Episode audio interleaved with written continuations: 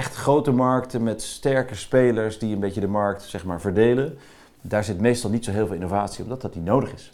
En als je dan toch die innovatie biedt, dan kun je wel iets bereiken. We gaan dus richting de 50% dekking in Duitsland in een aantal jaar. Nou, dat is natuurlijk gewoon een paar keer Nederland. Ja. En in Frankrijk staan we nog helemaal in de kinderschoenen. Een land als Nederland heeft 1100 CO's. Het hangt aan elkaar van CO's.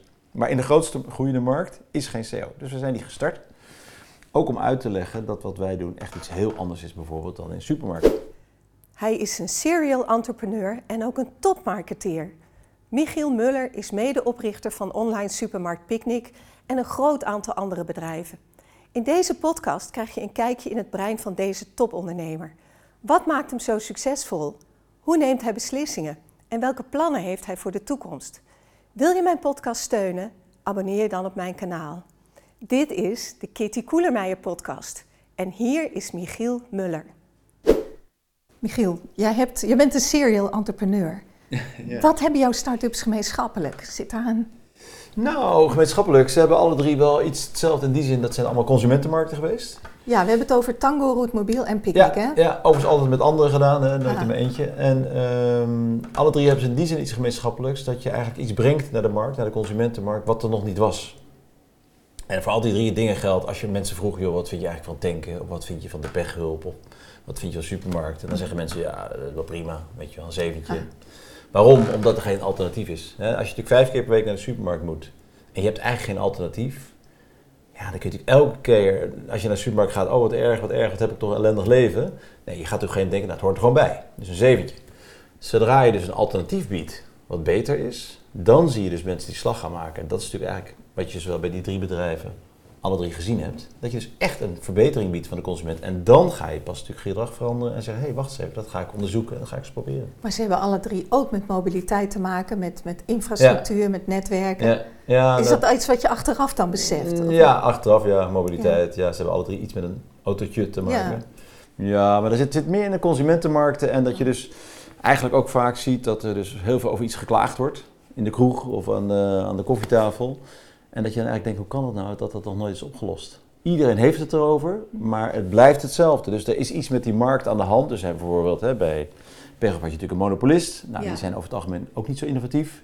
Uh, oliemaatschappijen, nou, toen wij begonnen met Tango was de laatste innovatie 20 jaar daarvoor namelijk zelftanken. Hè, dus dat je zelfbediening had. Dus echt grote markten met sterke spelers die een beetje de markt zeg maar, verdelen. Daar zit meestal niet zo heel veel innovatie, omdat dat niet nodig is. En als je dan toch die innovatie biedt, dan kun je wel iets bereiken. En hoe gaat dat dan in zijn werk? Krijg je een idee of is dat met je, met je, je compagnons, hè, je collega's, aan als je aan een drankje zit? Hoe moet ik dat voorstellen? Of, of nou, is dat iets wat je eerst een paar jaar lang op de achtergrond laat? Hoe nee, gaat het? Nee, nee, nee. Ik denk dat ondernemers, eh, op het moment dat ze denken dat is een goed idee, die gaan niet drie jaar wachten. Nee, die gaan dezelfde dag nog beginnen. Nou ja, het voorbeeld van Picnic is natuurlijk Joris Bekkers en Frederik Nieuwenhuis. Die hebben dat idee verzonnen. Ja, zij kwamen uit een business waarin ze hele grote uh, merken wereldwijd steunden met hun uh, online aanbod. dus met andere woorden, intelligentie van wat moet ik laten zien aan mijn consumenten. En op een gegeven moment toen zij hun bedrijf verkochten, beseften ze eigenlijk, ja, we hebben altijd gewerkt voor non-food bedrijven, grote wereldwijde bedrijven, maar eigenlijk nooit voor foodbedrijven. Dus daar kwam die vraag uit, hoe kan dat nou? Dat iedereen mode, elektronica, boeken, reizen allemaal online koopt, 10, 20, 30 procent. Ja. Maar in supermarkt, in boodschappen maar 1 procent. En dat is eigenlijk de basis geworden van het idee. We moeten dat gewoon proberen anders te regelen. En toen hebben zij mij benaderd en gezegd, joh, we hebben dit plan, hartstikke goed uitgewerkt. En uh, vind je het leuk om mee te doen of mee te denken, omdat ik dus inderdaad die andere bedrijven ook betrokken was geweest, waar je eigenlijk iets hetzelfde zag. Hè? Dus je maar niet met, een heel hen? Nieuw, niet met hen, nee. Ah. Nee, het was met Mark Schreder. Ja. ja. En dan zie je dus eigenlijk dat ja, dat, dat je wel een beetje gevoel krijgt voor, wacht eens even, is dit sterk genoeg, dit idee? Is het een voordeel genoeg voor die consument dat hij echt zijn gedrag gaat verbeteren? Want we zijn natuurlijk allemaal gewoontedieren. We krijgen honderdduizenden eh, boodschappen per jaar op ons af. Hè, dus uh, van, uh, kom bij ons. En om dus echt iets te doen, je gedrag te veranderen, moet die prikkel sterk genoeg zijn. En bij het idee van Picnic had ik dat vanaf dag één al. Hm. Dus we zijn we eigenlijk in gesprek geraakt, hebben gezegd, nee, dan gaan we het samen doen. En toen hebben we gezegd, nou dan gaan we wel over, over negen maanden gaan we starten. Hoe vaak ik niet van journalisten en zo heb gehoord van boodschappen doen is toch leuk, dat is een uitje en dat vinden mensen doen dat graag een paar keer per week. En wat nou? Ik heb een keer ook uh, uh, op een journaal gezegd van nou, misschien gaat het wel naar 20 procent. Nou, je wilt niet weten wat ik over me heen kreeg. Zeker. Wat is het dan dat jij er dan toch in gelooft? Want niet iedereen is zoals jij natuurlijk. Met, nee, dat. Maar ik denk toch dat je wel een beetje gevoel krijgt van... Ehm, waar, waar zijn consumenten mee bezig? Dus de drukte van de dag natuurlijk. Ja. Uh, je hebt ook te maken met een totaal nieuwe generatie die eraan komt. Hè. Dus de onderliggende trend. Als je natuurlijk weet dat boeken, reizen, elektronica enzovoorts al 30% online zijn, mode. En je ziet dat uh, boodschappen 1% is, dat is natuurlijk niet normaal. Want is het nou zo leuk om vijf keer per week naar de supermarkt te gaan en melk en brood te kopen, waar je helemaal als consument niks toevoegt? Of cola, weet ik veel. Hè, dus je voegt niks toe, maar je doet het vijf keer per week. Ja, keer een half uur, Soms met kleine kinderen aan je Soms arm. nog langer. Ook niet echt leuk. Dus daar klopt iets niet. En dat is eigenlijk hetgeen waar je dan een beetje gevoel voor ontwikkelt. Verwacht eens even, als we dit weten op te lossen, dan heb je natuurlijk echt een, een hele grote kans om in de allergrootste markt ter wereld. Hè, boodschappen is de grootste markt, consumentenmarkt ter wereld, by far. Dus als je al die andere markten bij elkaar optelt, dan heb je boodschappen. Dus je hebt de situatie dat je in de allergrootste markt ter wereld de allerlaagste penetratie online hebt. En het internet schijnt er echt aan te komen. Mhm.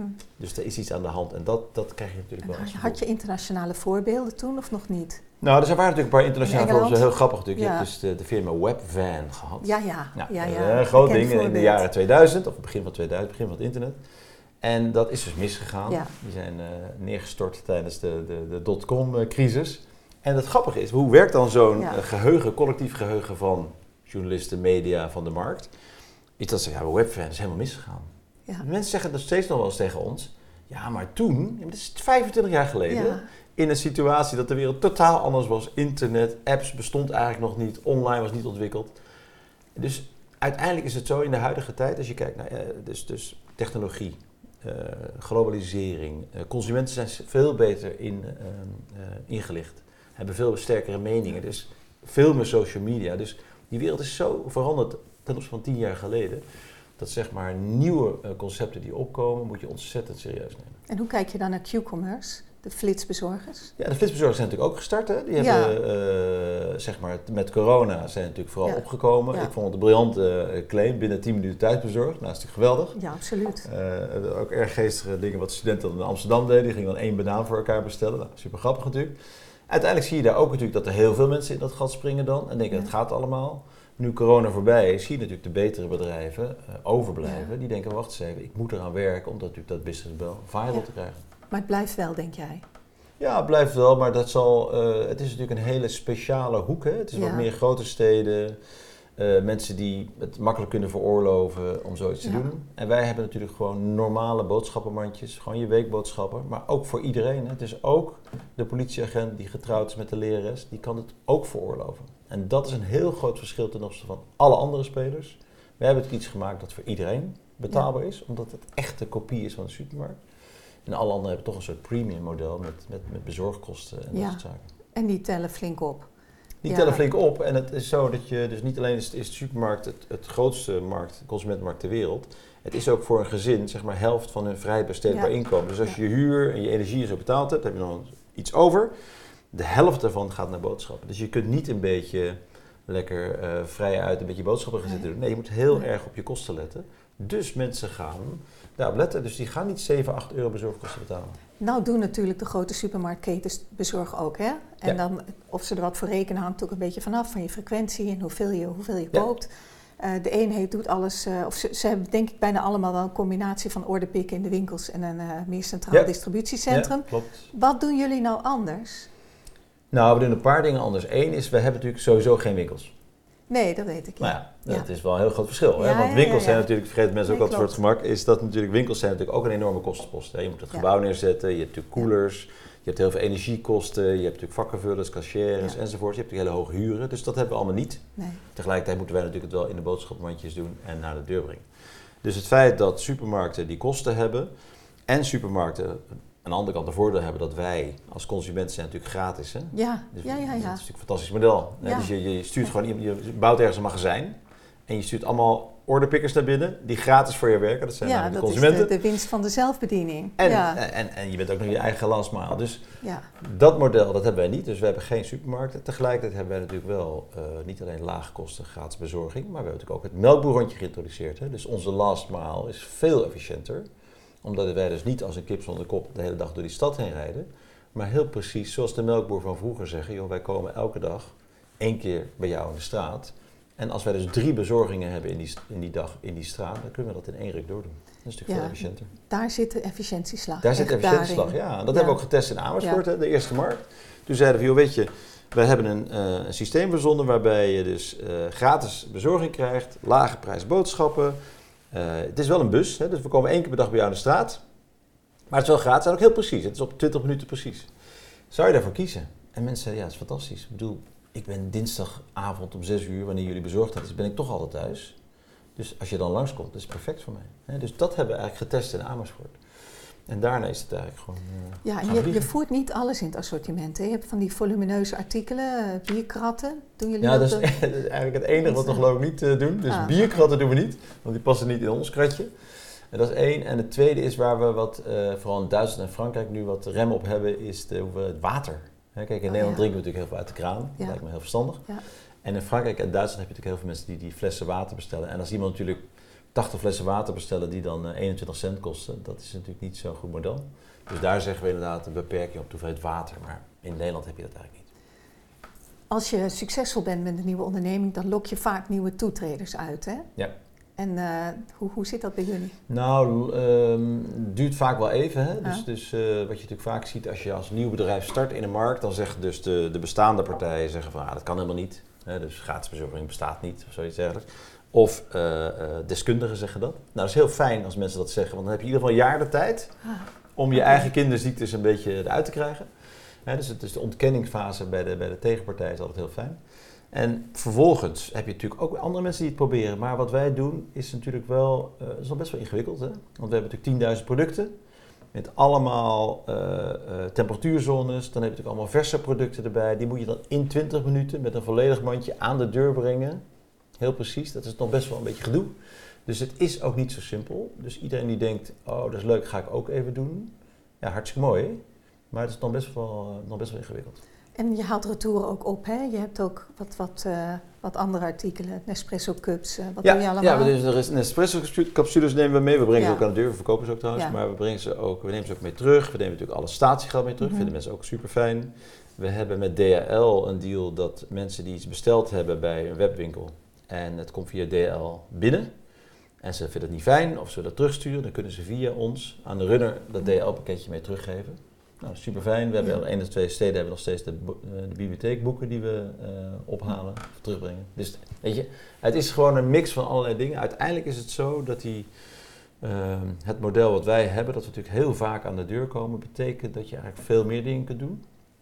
En wat je ook ziet is in al die drie markten, we zijn natuurlijk in Nederland in 2015 begonnen in Duitsland in 2018 en in Frankrijk nu twee jaar geleden, is dat je eigenlijk in al die drie markten ziet dat het een soort two-horse race wordt. Dus je hebt zeg maar vaak de bestaande spelers, de incumbents, zoals Albert Heijn en mm Rewe in Duitsland en Leclerc in Frankrijk. En dan zijn wij daarnaast als online speler die echt puur alleen maar online doet. En dan wordt met z'n tweetjes een beetje die markt, zeg maar, vechten om de, om de klant. Ja, maar je, je, je zit voor je gevoel echt wel in de, in de, de food retail, hè? Want ik, wat, je bouwt natuurlijk een, een, netwerk, een infrastructuur, de laatste six uh, feet. Ja. je zit, je zit echt tot aan die voordeur. Maar tegelijkertijd zit je toch met de beperkingen dat je, dat je echt een, een in food gespecialiseerd bent. Dat je daar al die ja, hè, bijzonderheden dus, zeg maar, in, in de boodschappen komen. We hebben natuurlijk ook uh, Glorix. Ja, ja en, maar de dagelijkse boodschappen. Ja, zeker. En dat, dat stelt natuurlijk allerlei eisen. Dus je kunt die, die, die, dat laatste stukje tot die voordeur niet volledig uh, gebruiken zoals je misschien zou willen. Je zit wel echt aan die, aan die boodschappen vast. Ja, dat natuurlijk. Maar kijk, uiteindelijk gaat het om meer om de, de, de maat van de non-food dingen. banken en bedden gaan bezorgen wordt een beetje lastig. lijkt me logisch, uh, Dus je moet, als je al iets in non-food doet... We hebben natuurlijk wel non-food in het assortiment. Hoort een beetje bij het supermarktassortiment, ja. zeg maar. Maar allerlei dingen. Er zijn natuurlijk ontzettend veel ideeën die ons afkomen, die je kunt doen. Maar je moet even focussen op wat is nou belangrijk voor die consument. Dat zijn die weekboodschappen. Die wil je goed aan de deur brengen met complete mandjes, superproducten. Eigen merk zijn we natuurlijk gestart. Dus het zijn allemaal dingen die je eerst heel goed moet doen. Voordat je nog gaat laten afleiden door allerlei andere mooie dingen. En nou zijn jullie ook heel succesvol in het ophalen van geld, van funding. Ja. En uh, ik hoor heel vaak van uh, bestaande bedrijven van ja, het is, het is ook eigenlijk niet eerlijk, want wij moeten winst maken voor onze aandeelhouders, moeten een bepaald rendement maken en die start-up scale-ups, ja, die, die, die zijn eigenlijk verliesgevend. En die, die halen gewoon heel veel geld op en die hoeven ook niet zoveel. Kijk je daar, hè, die hoeven niet zoveel rendement te maken. Nou, hoe kijk je uh, daarnaar? wij hebben natuurlijk ook investeerders die willen dat wij winst gaan maken. Dat is natuurlijk duidelijk. Hè. Ja, uiteindelijk. Of, ja, of wanneer. Nee, maar, maar, wat, hoeveel, kijk, hoeveel, jaren heb als je daarvoor? Natuurlijk, daar, daar noemde ik even in het begin dat we natuurlijk best wel een ingewikkelde business zitten. Hè. Kijk, wij zijn een techbedrijf. Dus we maken software zelf. We maken onze ja. eigen autootjes zelf. We doen alles zelf. Maar we hebben natuurlijk een hele belangrijke fysieke stroom. Ja. Die banaan die wordt niet digitaal, nee. denk ik. Dus het is een enorme, zware investeringen die je moet doen in het begin. dus je moet, een, een je moet een, uh, natuurlijk een app bouwen enzovoorts, maar je moet natuurlijk ook gewoon een fulfillment center waar de boodschappen worden ingepakt. Je moet ja. ontwikkelen, je moet last mile gebouwtjes hebben. Schaal dus krijgen. Het, schaal krijgen. Dus er zit een enorme fysieke component aan. Dus alles wat wij doen betekent veel voorinvesteringen doen. we zijn nu in Duitsland natuurlijk sinds 2018. We zijn in Noord-Rijn-Westfalen gestart, hè, rondom Düsseldorf. Daar zitten we nu uh, vier jaar. Daar hebben we nu een enorm mooi uh, bereik, een beetje vergelijkbaar met Nederland. Maar nu gaan we naar de rest van Duitsland.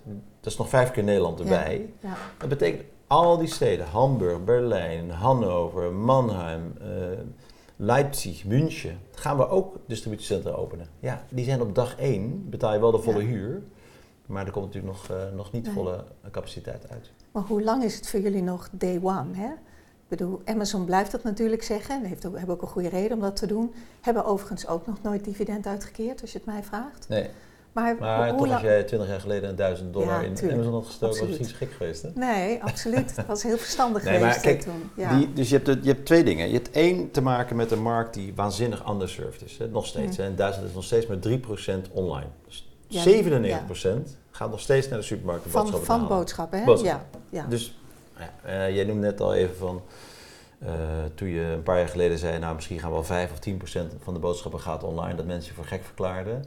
Nu zitten we daar in Nederland zo'n beetje op. Ja. In Duitsland gaat het natuurlijk ook naar 10 procent, Frankrijk ja. gaat naar 15, Nederland gaat naar 15. Als je dus in 2030 krijgt en je gaat dus heel voorzichtig inschatten hoe die groei de komende jaren doorgaat, met die enorme sterke trend eronder, praat je puur online hè, over een markt in die drie landen van 70 miljard euro. Waar dus eigenlijk per land maar twee spelers zijn. Ja. Dus je moet even. Dus die markt is veel, veel groter dan mensen denken dat die is. En hij wordt nog veel groter in een aantal jaar, omdat dat gewoon continu elk jaar een beetje bijkomt. Dus als jij als bedrijf in een situatie zit dat je een winstgevend model hebt, dat je vier dingen heel goed doet, namelijk inkoop, fulfillment, last mile en marketing, dan ben je natuurlijk fantastisch geplaceerd om die 70 miljard markt, die gigantisch is, om die uh, te benutten. En, en daar dat, kijken natuurlijk investeerders naar. Je kunt dat ook aan. Je kunt ook aan je overtuigen door te laten zien dat je die groei aan kan. Ja, maar dat is, dat je dat kan bedienen. Dat is bij ons het voordeel. We zitten natuurlijk in Nederland in zoveel steden en in Noord-Rijn-Westfalen in zoveel steden en in Noord-Frankrijk ook. Dat die lijntjes die wij zien als we een stad ingaan, wat de penetratie wordt, ja. hoeveel mensen gaan picknick gebruiken, hoeveel mensen blijven klant bij ons, wat is hun gemiddelde besteding, die zijn eigenlijk hetzelfde in al die steden. Dus je kunt heel goed laten zien, ja jongens, dit is gewoon een kwestie van het gaan doen. Meer steden. En dit, dit wordt de uitkomst. Dus het is heel voorspelbaar. Dan heb je daarnaast een hele grote markt. Dan heb je daarnaast het feit dat er maar heel weinig mensen zijn die het kunnen. Ja, de potentie is dus een, aanzienlijk. En dat zien natuurlijk investeerders. Die, uh, die, die extra omzet voor online die gaat af van de, van de omnichannel supermarkten. Ja. Of, of, je, of je moet het helemaal van prijsverhogingen en uh, artikelen met hogere marge hebben. La, ja. is misschien wel onwaarschijnlijk. Nee, kijk, natuurlijk, uiteindelijk is het zo dat, dat uh, online boodschappen, maar ook natuurlijk online, dat je iets uh, te eten bestelt of de, de pizzaboer laat komen. Dat zijn natuurlijk allemaal stukjes die we vroeger in de ja. supermarkt halen. Ja. Overigens, voordat de supermarkt waren, waren bakkerslagen en groenteboeren. De supermarkt hebben natuurlijk ook een markt uh, vervangen. Dus dat betekent dat er altijd links en rechts natuurlijk elk jaar iets van die supermarkt afgaat qua volume. Nou, dat zie je natuurlijk in al die drie landen gebeuren. Dat er sommige slechtere supermarkten ofwel verdwijnen, of uh, het aantal supermarkten wordt minder, of ze concentreren zich wat op de grotere. Ja, dat is gewoon een normale situatie mm. in een markt die een beetje gaat verschuiven. Hoe zie jij dat retaillandschap van de, in de toekomst, hè, over vijf of tien jaar? En dan heb je het over vooral de boodschappen, hè, de dagelijkse boodschappen. Ja. Gaan, gaan de, de, kijk, Nederland is natuurlijk een heel gefragmenteerd, heel dichtbevolkt land. Dus wij hebben echt food en non-food gescheiden. Hè, ja. Maar, maar zie, je, zie je daar nog grote veranderingen in ontstaan? In dat, in dat landschap? Nou, je zult wel zien dat, dat zeg maar de, uh, de supermarkt zich echt gaan concentreren op de betere locaties. Hè? Dus die, uh, dus Want uiteindelijk is het zo, als je, stel dat die markt gaat naar 10, 15 procent, wat ja. in 2030 volstrekt normaal is. dan betekent het dus dat de supermarkt een deel van die omzet kwijt gaan raken. Ja, en ook hun online omzet zien groeien. Een online omzet, als ze het gaan doen, hè, want we even kijken naar Nederland, er zijn natuurlijk één of twee supermarkten die het doen online. En de rest doet het niet. Nou, toch wel drie minstens. Nou, wie dan? Plus toch ook? Ja, wel, maar dat is echt, echt heel klein. Ja, oké, maar ze doen het. Ze doen het, ja. Maar dat, dat wordt nooit de helft van de omzet. Nee, nee. ook niet 10% trouwens. Maar goed, hoe dan ook. Dat betekent dus dat dat heel klein blijft.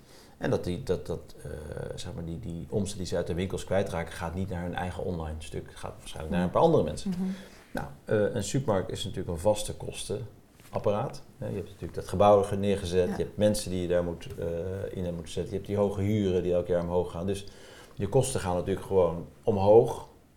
En dat hangt niet zoveel af van hoeveel mensen er door je winkel lopen. Die kosten heb je gewoon. Ja. Dus dat gaat natuurlijk ergens een beetje klemmen. En dus moet je iets doen. Ja. En dat betekent misschien je, je supermarkt die wat minder lopen, uh, sluiten of uh, anders gaan organiseren of misschien gaan samenwerken met non-food partijen. Er zijn natuurlijk wel uh, mogelijkheden misschien, maar het is wel een veranderende markt ten opzichte van 10, 15 jaar Ja, zie jij ketens verdwijnen, de kleine? Nou, ketens verdwijnen. Je hebt natuurlijk wel links en rechts al een paar die hebben hun business verkocht. Hè? Dus die hebben gezegd, nou ja, wij zien dus zeg maar wat op ons afkomt waar het gaat om technologie. Of je nou online gaat doen of andere technologie, dat zien wij niet meer helemaal bij ons bedrijf passen. Hm. En die hebben hun winkels verkocht. Dat bestaat natuurlijk wel. Ja, ja dat, dat klopt, dat heb je ook. Maar die, die, hoe, zit, hoe zit het bij jullie met die schaarste aan arbeid? Hè? Want ik hoor eigenlijk twee dingen van retailers.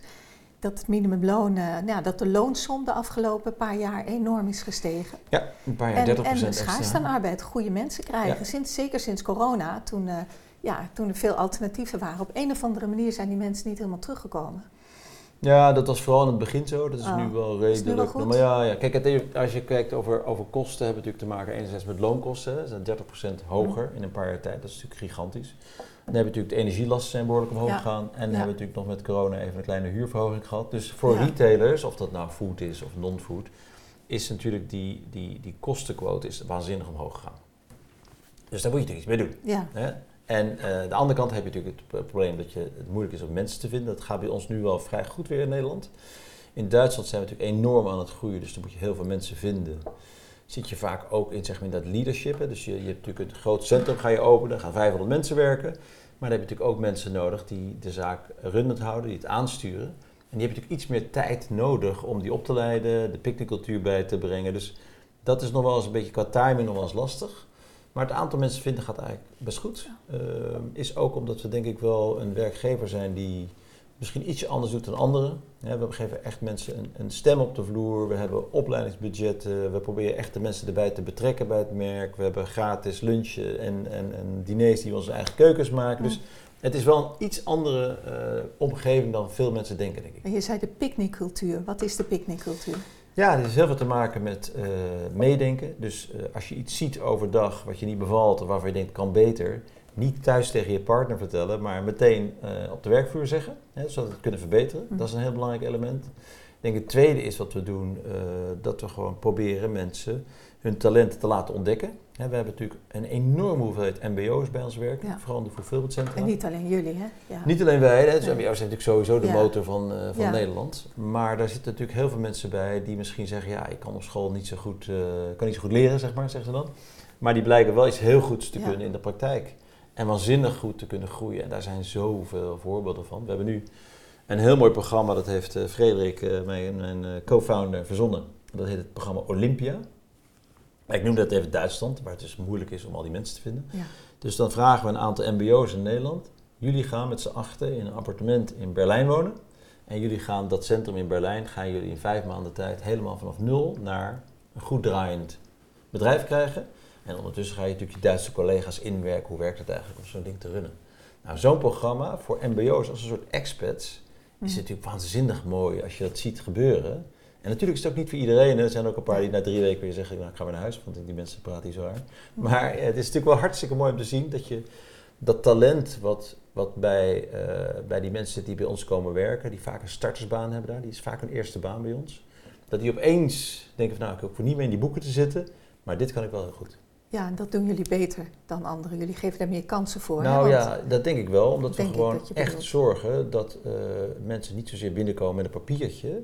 Maar meer van, joh, heb je er een beetje zin in? Heb je wat talent? Vind je het leuk om hier te werken en je best te doen? En dan gaan mensen soms als een raket. En hebben jullie dan ook van die, van die values die iedereen moet kennen en die dan op de muren staan? En nee. kijk, je zegt ik ben een techbedrijf. Nou, als je daar komt, dan in welk techbedrijf in Silicon Valley ja. ook komt, er staan altijd leuzen en slogans en regeltjes. En, uh... Ja, nou, we hebben, we hebben wel eens een discussie over gehad. We zijn wat minder van de, de slogans met posters aan de muur. Want dan denken we altijd van ja, dat is eigenlijk een beetje het einde van, het, uh, van, de, van de cultuur. Of iets als wees jezelf. Wees jezelf. nee, soort, ik denk dat wij wat wij, wat, wat, wij, wat wij graag willen is uh, dat mensen een beetje aardig tegen elkaar doen. Mm -hmm.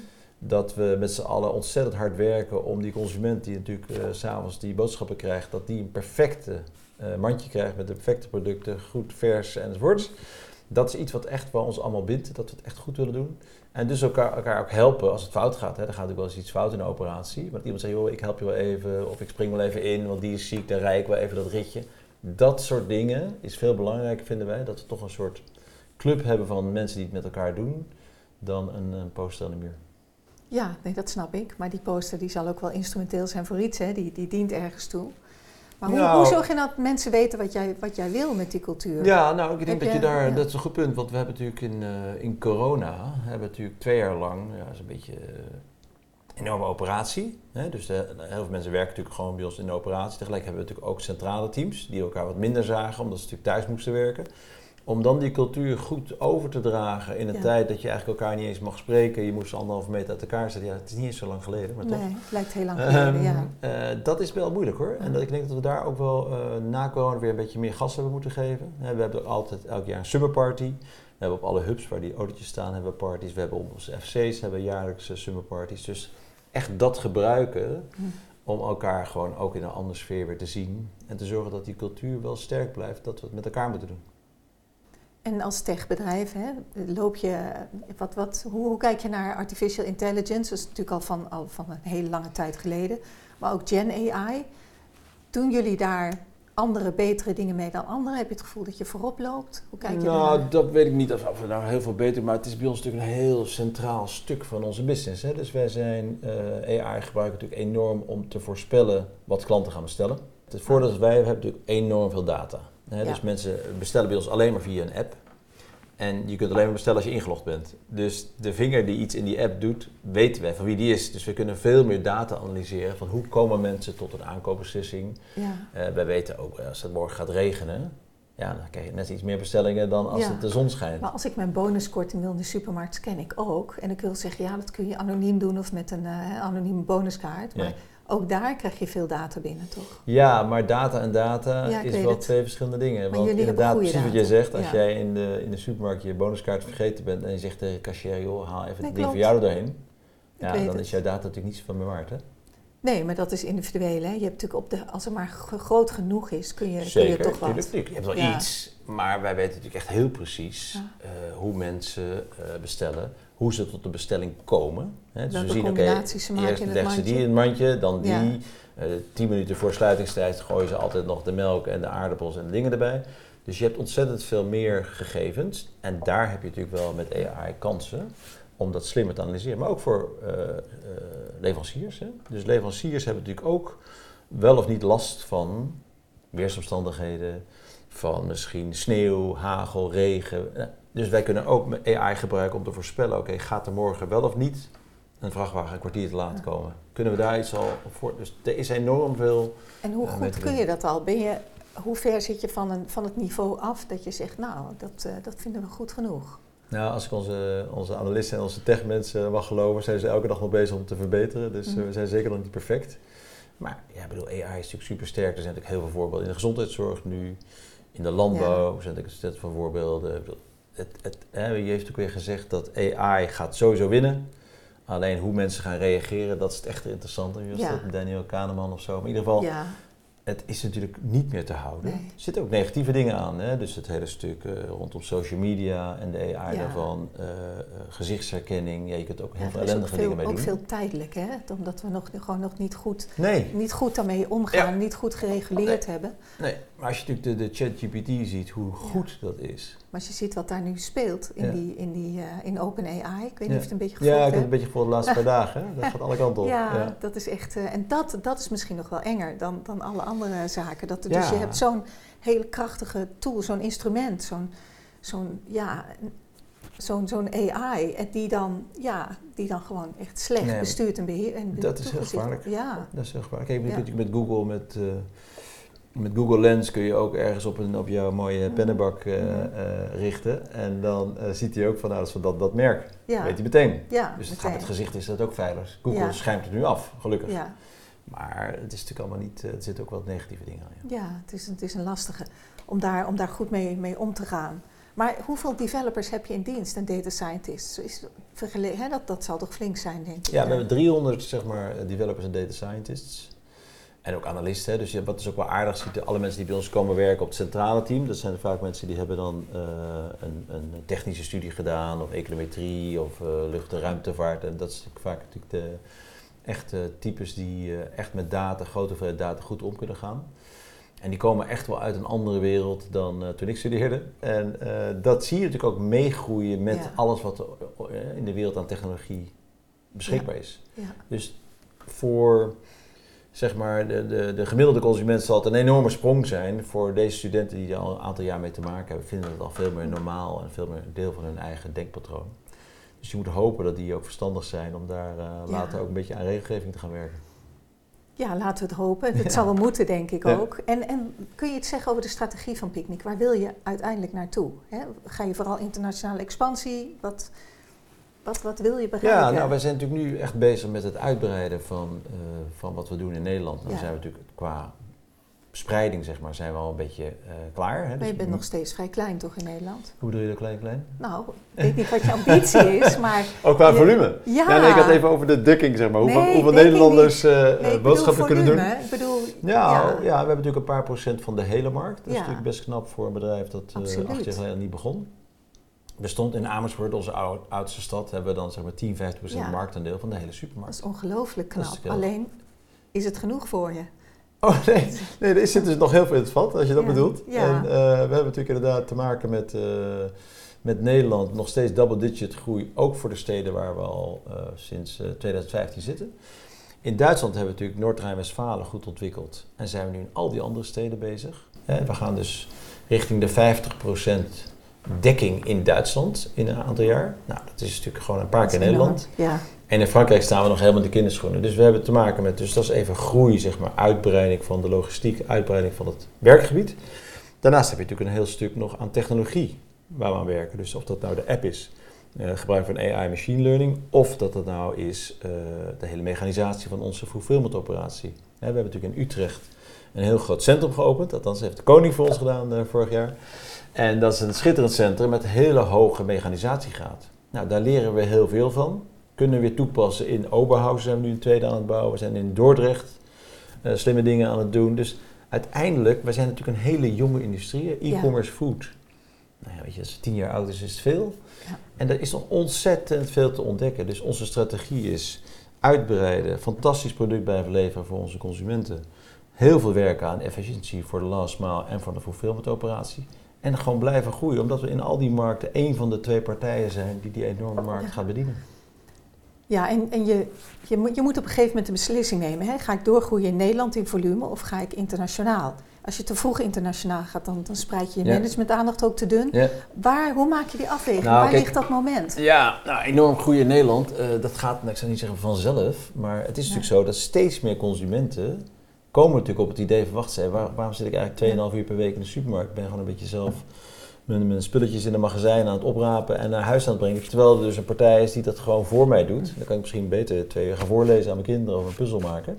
Dat is leuker eigenlijk dan dat. Dus dat, dat is één. Dan heb je tweede is dat natuurlijk heel veel jonge gezinnen, dus als je nu 28 bent en je gaat een gezin stichten en je krijgt een kind, ga je niet heel vaak meer in de supermarkt zitten. Dus die onderliggende trend van die hele nieuwe jonge generatie die er aankomt, zorgt gewoon voor die groei. Daar hoef je niks voor te doen, behalve natuurlijk een goed product te leveren. Ja. Nou, dat is natuurlijk wel belangrijk dat je dat dan verstandig doet. Maar goed, dus dat is één. Dus Nederland is echt gewoon heeft te maken met bestaande steden, waar we gewoon continu zorgen dat we die groei die we al ingezet hebben voorhouden. En in Duitsland zit nog voor een belangrijk deel gewoon simpelweg in nieuwe ja, maar steden wanneer, Hoe beslis je nou, ik ga nu naar het buitenland, ik ga nu uitbreiden. Wat, hoe, hoe gaat dat? Was je dat altijd al van plan? Nee, nou, Stel je daar grenzen voor? Wat, wat, is eigenlijk een beetje toevallig ontstaan. Hè? Ondernemerschap is natuurlijk ook heel veel van het een komt het ander. Ja, en wij waren in uh, Amersfoort begonnen, we waren net in Utrecht en Almere open. Dat zal ergens eind 2017 zijn geweest. En toen kregen we een belletje van de firma Edeka uit Duitsland. Wel bekend. Dus wij opzoeken van wat is het daar? Nou, best wel een grote supermarkt. Heel groot dus. Hè? 60 miljard omzet uh, alleen in Duitsland.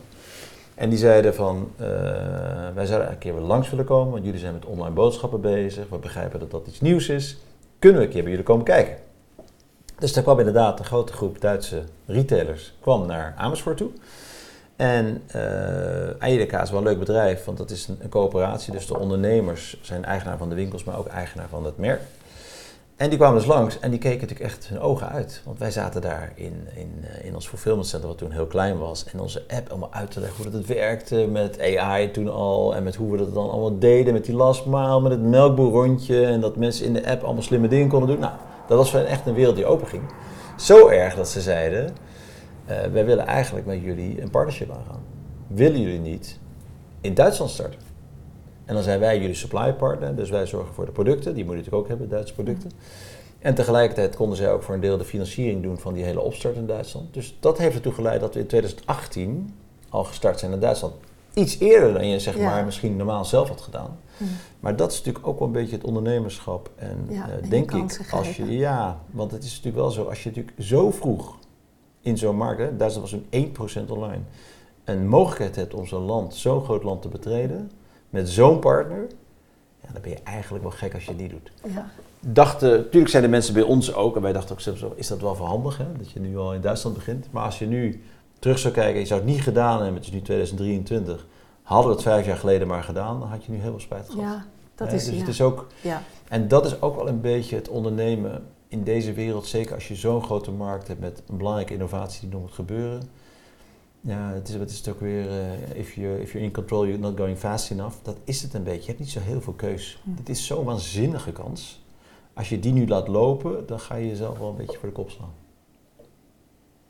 Waar, waar gaat het heen? Hè? En wanneer is het voor jou nog leuk? Hoe lang is het voor jou nog leuk? Hè? Want je kunt natuurlijk nog van veel meer landen toe. Je kunt van alles verzinnen. Nog meer andere, ja, andere supply chains die je erbij gaat betrekken. Maar komt er een moment dat je zegt, we willen naar de beurs we willen overgenomen worden of wij gaan grote overnames doen. Denk je daar, heb je die, die kans heb je misschien al gehad? Of denk ja, je daarover zeker. De, de, de, al die dingen komen natuurlijk wel voorbij. Kijk, overnemen van iemand anders, dat is ingewikkeld, want die hebben natuurlijk mm. sowieso een ander businessmodel. Die werken gewoon niet met wat wij doen. Of die hebben geen elektrische autootjes, of die hebben een hele andere supply chain. Ja, dan heb je op een gegeven moment twee supply chains. Niet handig. Het is juist zo fijn dat wij. Ja. Nou, ik bedoelde eigenlijk meer andere producten hè, waar, je, waar je wat mee oh, kan. Oh ja, ja. Maar, ja. maar dat, dat is de logische kant. Maar die, die overname. Ja. Maar uiteindelijk is het zo, er is nog zo ontzettend veel uh, groei. Niet alleen het aantal klanten, maar we hebben natuurlijk met ons eigen merk hebben we natuurlijk nu een enorme stap gemaakt. We gaan het ons assortiment nog verder uitbreiden. Er zijn allerlei partnerships die ik net al even noemde met DHL enzovoort. Dus er is nog heel veel mogelijk. En de uitdaging voor ons, zeg maar, om als bedrijf te zorgen dat we die enorme stap nu maken. We hebben nu 15.000 uh, mensen in dienst. Om dat goed te krijgen en naar 30.000 te groeien en in die markt in 2030 nog steeds een van de twee partijen zijn in die landen die het goed doet, is natuurlijk al een uitdaging op zich. Amazon lukt het niet, hè? En dat, dat heeft natuurlijk ook met die, met die verschillende supply chains te maken. Ja, dus Amazon Food heeft natuurlijk vaak geprobeerd in veel landen al. Ja, uh, lukt ze niet helemaal, omdat zij inderdaad, ze hebben een supply chain die best wel goed is natuurlijk, maar is eigenlijk op mondvoed gericht. Nee. zo een kruimeldief of een elektrische tandenborstel versturen is wat anders dan een krop sla. Dus zij moeten eigenlijk ook een ander bedrijf ernaast gaan zetten om dat goed te krijgen. Dat zouden jullie eh, kunnen zijn. Dat zouden we kunnen, oh, dat wij ze gaan leren hoe dat moet. Nee, dat ze jullie uh, overnemen. Oh ja, ja nee, dat zou, dat zou ja, ik weet het niet. Nou, een paar jaar geleden hoorde ik niks anders dan dat. Oh ja? ja. Maar uh, nu is het weer even rustig. Ja. Maar dat, nou goed zo, uh, daar hebben we erg veel plezier. En jullie vinden het nog leuk? Ja, we vinden het zeker leuk. Ja. ja. Oké, okay, nou, nou ben jij, je hebt eigenlijk al een paar hints gegeven. Hè? Um, wat, wat maakt jou nou succesvol als ondernemer? Want hè, dat, dat je een serial entrepreneur bent is best bijzonder.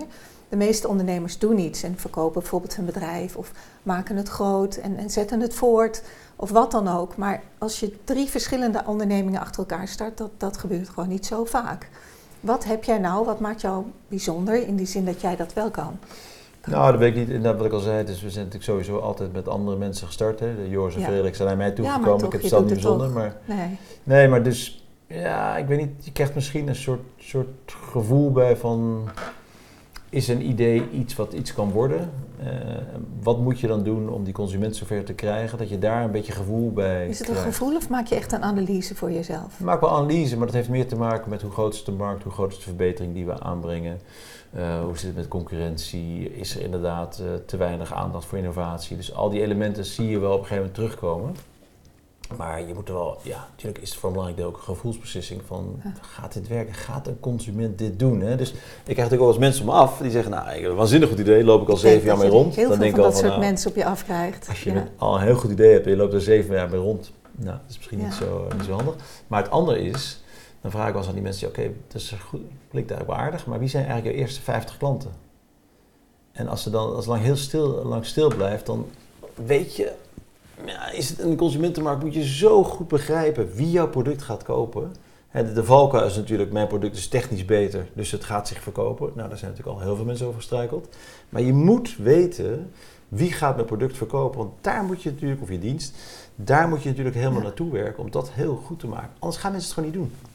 Ik hoor je ook veel spreken over kansen en ook gewoon, je moet dingen ook gewoon doen. Hè? Ja. Maar heb je ook hindernissen gehad of obstakels? Zijn er dingen die je nog nou, kijk, we, hebben natuurlijk links rechts uh, wel wat hindernissen gehad natuurlijk nu ook de laatste paar jaar met die enorme kostenverhogingen. Dus zowel loonkosten, energie als, uh, als huren enzovoorts. Ja. We hebben natuurlijk een, een lange discussie gehad met, uh, met vakbonden en met werknemersorganisaties over ons model. Hè. Dus we hebben uiteindelijk gezegd, nou we gaan dan een eigen e-commerce CAO starten. Dit moet je nagaan, is in, in een markt als e-commerce best groot, heel groeiend. Iedereen ziet dat, iedereen weet dat is geen CAO. Een land als Nederland heeft 1100 CO's, het hangt aan elkaar van CO's. Maar in de grootste groeiende markt is geen CO. Dus we zijn die gestart. Ook om uit te leggen dat wat wij doen echt iets heel anders is bijvoorbeeld dan in supermarkt. Nou, daar hebben we zijn mee gestart, maar er zijn wel discussies over met, uh, met vakbonden. En uh, die proberen we ook uit te leggen. Joh, wij doen echt iets heel anders. Een heel groot verschil bijvoorbeeld is dat in uh, supermarkt is 80% van het aantal uur wordt gedaan door kinderen. Ja, ik weet niet of jij weet wat ja, Ik weet niet hoe je kind definieert. Een 18 jaar jonger. Oké. Uh, tot en met 18 of tot 18? Ja, tot en met 18. Ah. Een 18-jarige uh, die mag stemmen, die mag autorijden, ja. die mag trouwen. Dat kan je best wel, kan je best wel doen, hè? En uh, die verdient de helft, de helft van een 21-jarige. En een 17-jarige nog veel minder, een 16-jarige, een 13-jarige werken in winkels. Dus zeg maar de, de, de, de gemiddelde loonkosten in supermarkten waar wij mee concurreren, is veel lager, 40% lager dan wat wij zelf Want die jongeren die werken niet bij jou? Nee, wij kunnen natuurlijk niet een 13-jarige op een autootje zetten of een 13-jarige in een fulfillment center laten werken. Dus wij werken alleen met volwassenen. Dat betekent dat het een totaal andere populatie is. We hebben ook andere werkzaamheden, andere processen. We hebben geen order, eh, noem je dat, eh, vakkenvullers, we hebben geen cashiers. Dus je hebt te maken met een situatie dat je een heel ander model hebt, een hele andere populatie. Dus concurreer je helemaal niet op arbeid. Wij zullen nooit iemand uit de supermarkt overnemen, want die zijn 15, die werkt bij ons niet. En een supermarkt neemt nooit een 21-jarige bij ons over, want die werkt niet in de supermarkt. Maar zit er bij die 1100 cao's niet één die wel een beetje lijkt of geschikt is voor wat jullie doen? Je hebt natuurlijk ook nou- heel veel distributiecentra die, die misschien wel vergelijkbaar zijn. Ja, nou, maar het grappige is, alle e-commerce distributiecentra hebben geen CAO. Allemaal niet? Nee. Uh, waar we een beetje op lijken is de, de in-retail CO, dus, dus de non-food CO. Dus dat heeft meer, meer te maken met winkels, die natuurlijk ook distributiecentra hebben. Dus daar lijkt het een beetje op. Daar hebben we ook wel een beetje onze, onze e-commerce CO gemodelleerd. Maar het feit gewoon dat wij echt heel anders zijn. En het aardige is natuurlijk, CAO's zijn bedoeld om concurrentie op arbeidsvoorwaarden te voorkomen. Ja? Maar CAO's zijn natuurlijk niet bedoeld om concurrentie te voorkomen. En dat is wat er nu aan de hand is als wij in de supermarkt CO zullen moeten. Hoe lang gaat dit nog duren? Want het, het speelt al een tijd. Ja, het speelt al een tijdje. we hebben discussie gehad, maar het loopt nog, hè? Nee, het speelt al een tijdje. Je ziet wel verandering, hoor. Je ziet wel beweging. Je ziet dus uh, ook bij partijen, uh, dat, uh, dus ook bij werknemersorganisaties, dat ze wel zien, oh wacht even, nu, ja wacht eens even, die banaan die eindigt wel op dat aanrecht. En dat is dezelfde banaan op hetzelfde aanrecht.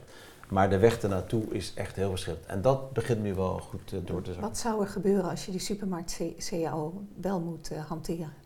Nou, dat betekent dat je, uh, waar we nu al een enorm nadeel hebben ten opzichte van supermarkten, omdat we die kinderen niet kunnen inzetten, krijg je nog meer nadelen. Want ze zeggen bijvoorbeeld, je moet toeslagen betalen. Dat vinden we heel belangrijk, dat we in het weekend toeslagen betalen. Voor ons is het weekend, net zoals elke e-commerce partij, een volstrekt normale dag. Mm. Wij geven wel toeslagen op andere momenten, namelijk dat het moeilijk is om mensen te krijgen.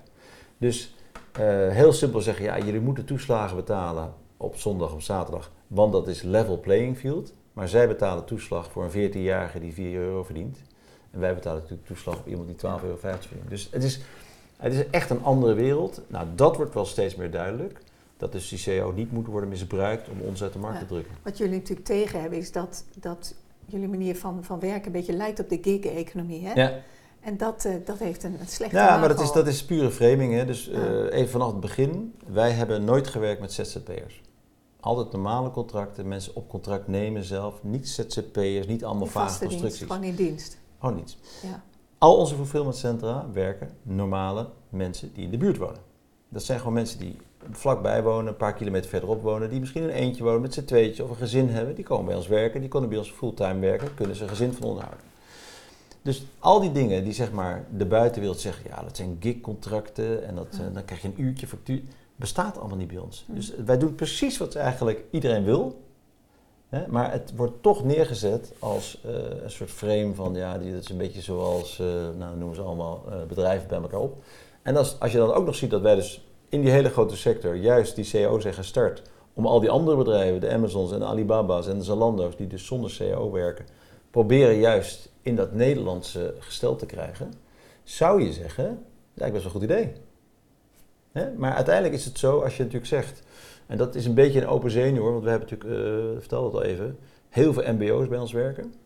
En dan wordt dan gesproken over het werken in e-commerce. Ja, dat zijn mensen die in, uh, in dozen langs snelwegen werken.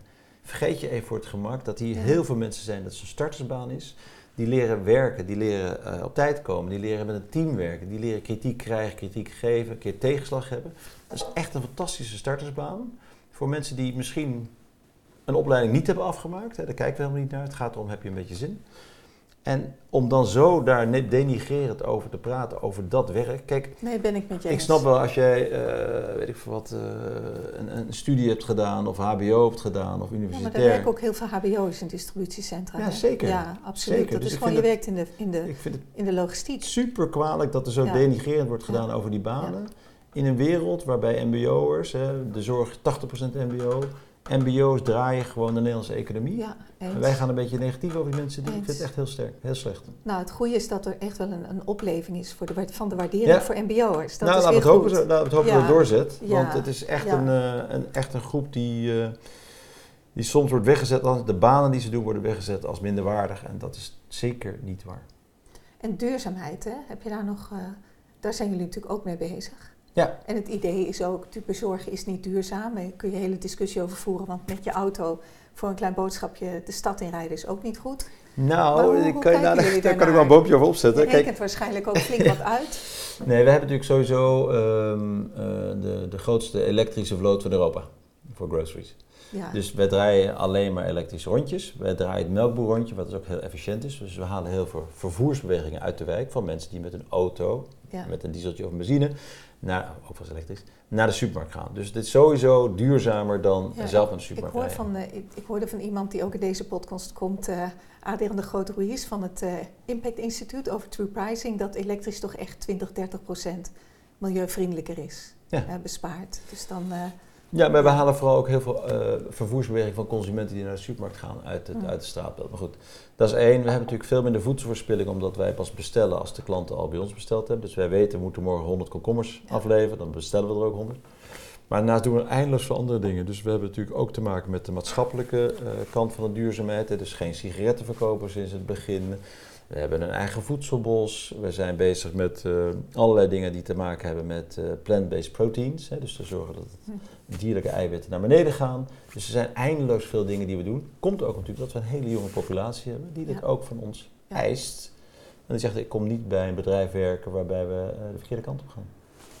Even over jouzelf en jouw leiderschapsstijl. Hoe, hoe kijk je daarnaar? Hoe beoordeel je die? Hoe, hoe praten andere mensen over jouw leiderschapsstijl? Hè? Dat is misschien nog beter. ja. nee, dat zou je me vragen. Nou, ik weet niet. Mm, nou, ik ben wel iemand die heel graag uh, uh, jonge mensen ziet met een uh, ondernemende geest. en jonge mensen, nou, natuurlijk wel oude mensen, maar jonge mensen die echt met hun talent iets doen. Dat vind ik geweldig om te zien. En dat kan natuurlijk bij ons zijn, maar dat kan ook in elke elke omgeving zijn. Dat je echt zegt, joh, ik kan dat goed, ik, vind dat, ik wil daar echt de beste in worden. Dus echt zorgen dat je echt je best doet. En dat, dat inspireert mij enorm. En daar zijn er heel veel van. Tegelijkertijd, uh, ondernemers, een ondernemende instelling is wel iets wat we heel erg nodig hebben. Ik denk dat we het in de Nederlandse uh, politiek uh, een beetje ondergesneeuwd is geraakt. Nu ook natuurlijk met, met de verkiezing. Ik heb het woord ondernemerschap, bedrijfsleven, ja, werd meer gezien als er daar geld te halen. Maar we vergeten wel eens even dat het ondernemers wel mensen zijn die risico's lopen. Zeker. Die mensen in dienst nemen, die een eigen tweede hypotheek op een huis nemen om een winkel te starten of om een business te gaan starten.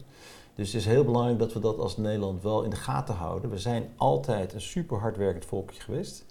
Met heel veel openheid van hoe je met je baas praat, hoe je met ideeën naar voren komt. Dus het is eigenlijk heel erg constructief ondernemend. We moeten wel zorgen dat we dat houden, want dat is natuurlijk wel het verdienvermogen van Nederland, waar we al die mooie dingen mee kunnen doen die we graag willen doen. Heb jij, heb je, ja, je geeft een mooi verhaal, maar jouw leiderschap, hè? hoe jij gezien wordt. Jij zegt wat je graag wil en doet, maar hoe word je ervaren op de werkvloer? Ja, ik weet niet zo. Het is denk ik toch... Stimulerend. Ik hoop het maar. Ja. ik bedoel, maar wat? Nee, ik weet niet. ik denk dat ik wel de mensen de ruimte geef om, uh, uh, om de dingen te doen waarvan ze zelf overtuigd zijn dat het verstandig is. Ah. En natuurlijk is het fijn als mensen er even een beetje goed over nagedacht hebben zelf. Maar ik wil heel graag dat mensen het op het werk zeggen en tegen hun collega's zeggen. In plaats van thuis gaan zitten klagen tegen iemand die ze thuis tegenkomen. Dus het gaat mij er vooral om, jongens, zijn met z'n allen bezig om het beter te maken. En dat probeer ik wel te stimuleren. Heb je nog voorbeelden? Heb je inspiratiebronnen, mensen, leiders? Nee, ik, ik noemde vroeger altijd Elon Musk, maar dat is tegenwoordig een beetje ingewikkeld geworden. Ja, maar, waarom noem je Elon Musk? nou ja, ik vind het natuurlijk ongelooflijk wat die man heeft gedaan. Als je kijkt naar de, de, de auto-industrie. Dat is toch geen kleine industrie. Daar zitten partij machtsblokken, daar word je natuurlijk uh, koud van. In zijn eentje heeft hij ervoor gezorgd dat die elektrische auto op de weg staat. Nou, ik weet niet of hij helemaal zijn eentje. Hij heeft natuurlijk ook hele goede mensen, denk je wel? Nou, in zijn eentje natuurlijk met zijn bedrijf, maar met zijn eigen ja, niet uh, ondernemerschap, dat, doorzettingsvermogen, heeft hij gewoon die hele industrie op zijn kop gezet. Wat mij ook altijd zo intrigeert, je hoort je hele leven lang je moet focussen. Je mag geen twee, drie, vier, vijf dingen tegelijk doen. Als er iemand is die veel dingen tegelijk doet, is het Elon Musk. Dus je leert jonge kinderen eigenlijk al heel vroeg, of jonge hè, studenten, van ja, je kan maar één ding goed doen. En dat, is dus niet zo. Dat, dat is of zit er iets gemeenschappelijks onder wat hij doet? Dat kun je natuurlijk wel bedenken, maar al met al doet hij heel veel verschillende dingen. Ja, de veel verschillende dingen. Misschien gaat het hem nu ook een beetje opbreken. Want hij is natuurlijk wel een beetje, een beetje gekke bokkensprong aan het maken. Maar inderdaad, eh, even een elektrische auto starten. Dan ondertussen drie raketten op een onbemand platform terug in zee laten landen. Ja. Dat is best wel, daar heb ik wel best wel respect voor. Nee, dus uh, focus, ja, geen verschillende dingen zitten doen. Ik zou niet zo zeggen, ik zou niet zo snel zeggen dat ze nou Kijk, focus heeft veel te maken met dat je, wat je aan het doen bent, dat je dat op een verstandige manier doet. Ja. Maar dat betekent natuurlijk niet dat je niet om je heen mag blijven kijken. als dat focus betekent, dan lijkt het niet verstandig. Maar voel jij je een beetje als Elon Musk? Herken je dingen? Nou, nee. nee. ik bedoel, dat hoeft niet, niet te zijn in, in wat je doet, maar hoe je dingen doet. Of, dat je hem nou, bewondert misschien. Nou, ik vind, wel, ik vind het wel ontzettend leuk om, om, om nieuwe dingen te, te ontdekken. Ik verbaas me ook over dingen. Ik verwonder me dan dat iets gebeurt en denk van, hé, hey, hoe kan het nou? Kan het dan niet beter? En dat kan dus ook binnen ons eigen bedrijf zijn. Dat we denken, joh, we moeten eigenlijk iets doen met, met, uh, met een, met een add-on of iets erbij. Dat vind ik wel heel leuk. Maar uh, zo wilt als hij dat doet, nee. Ben je niet al met een volgend project bezig? Nee. Ergens?